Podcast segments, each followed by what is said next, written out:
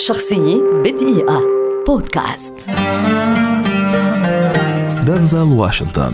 ممثل أمريكي كبير ولد عام 1954 ويعد واحدا من أفضل ممثلي العصر الحديث. لا بل يذهب الكثير من النقاد والمتابعين إلى اعتباره واحدا من أفضل عشرة ممثلين في التاريخ. درس الصحافة قبل أن يسافر إلى سان فرانسيسكو ليدرس المسرح ثم بدأ بالاشتراك في بعض من المسلسلات التلفزيونية هنا وهناك. بعد التخرج بدأ دنزل مسيرته كممثل محترف وصور أول أول فيلم تلفزيوني له بعنوان ويلما عام 1977 ثم شارك في فيلمه السينمائي الأول Carbon Copy عام 1981 كما شارك في فيلم A Soldier's Play عام 1984 ومع بداية شهرته اختير ليكون واحدا من أبطال المسلسل الطبي الدرامي St. Elsewhere الذي عرض بين عامي 1982 و 1988 فلفت الأنظار لتنطيق تنطلق مسيرته الحقيقية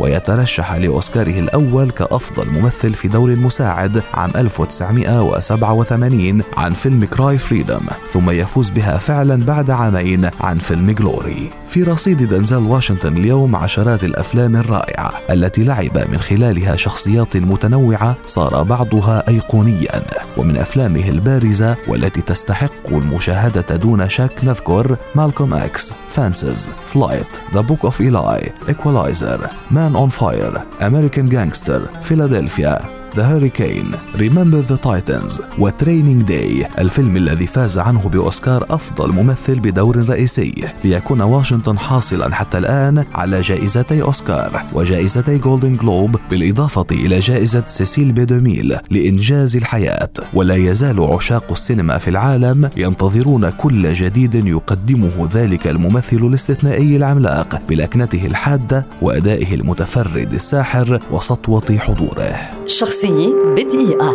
بودكاست.